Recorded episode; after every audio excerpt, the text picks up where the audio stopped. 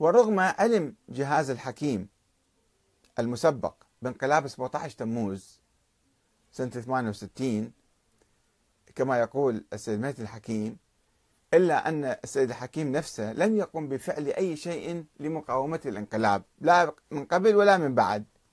نتيجة لشعوره كما يقول السيد مهدي الحكيم نتيجة لشعوره بعدم إمكانية المقاومة.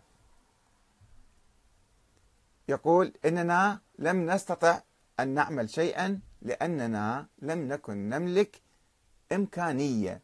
يعني كان في حالة ضعف شعور بالضعف. عنده قوة كان الحكيم عنده قوة شعبية ولكن عنده شعور بالضعف. قضت على تلك القوة.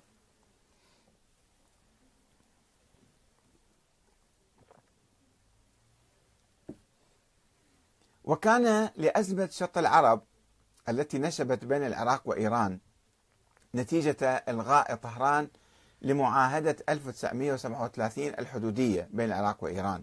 في 27 نيسان 1969 ألغاها الشاه.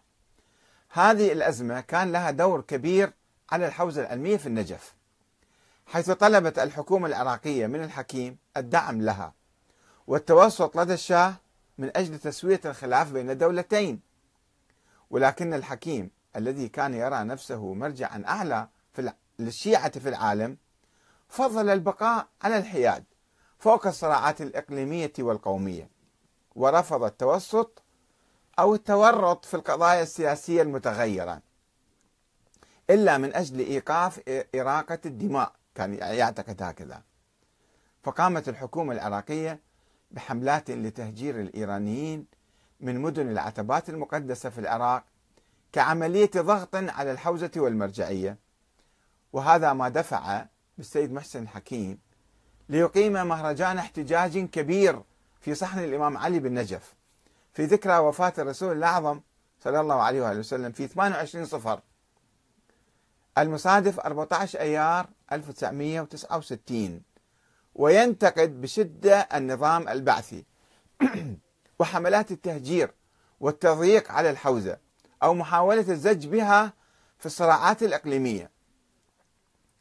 وهنا صعد الحكيم من مجابهته للنظام وذلك بالسفر إلى بغداد في محاولة للاحتجاج كما كان يفعل في هكذا ظروف حيث دأبت الوفود الشعبية بالتقاطر على محل إقامته وإعلان تأييدها له من كل أنحاء العراق.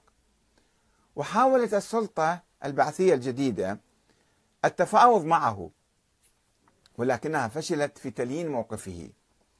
وفي 9 حزيران 1969 ظهر على شاشة التلفزيون ضابط متقاعد معتقل هو مدحت الحاج سري ليكشف يعني هكذا ليكشف عن مؤامرة مزعومة للإطاحة بالنظام.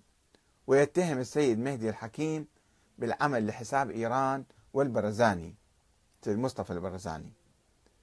وفي أعقاب ذلك الاتهام اقتحمت قوات السلطة البعثية مقر إقامة السيد محسن الحكيم في بغداد ثم أخذته عنوة وأرسلته إلى بيته في الكوفة. ثم انتقل إلى رحمة الله في الثاني من أيار سنة 1970 هذه كانت مرجعية السيد محسن الحكيم باختصار. والسلام عليكم ورحمة الله وبركاته. وسوف نتحدث في حلقة قادمة عن مرجعية السيد الخوئي.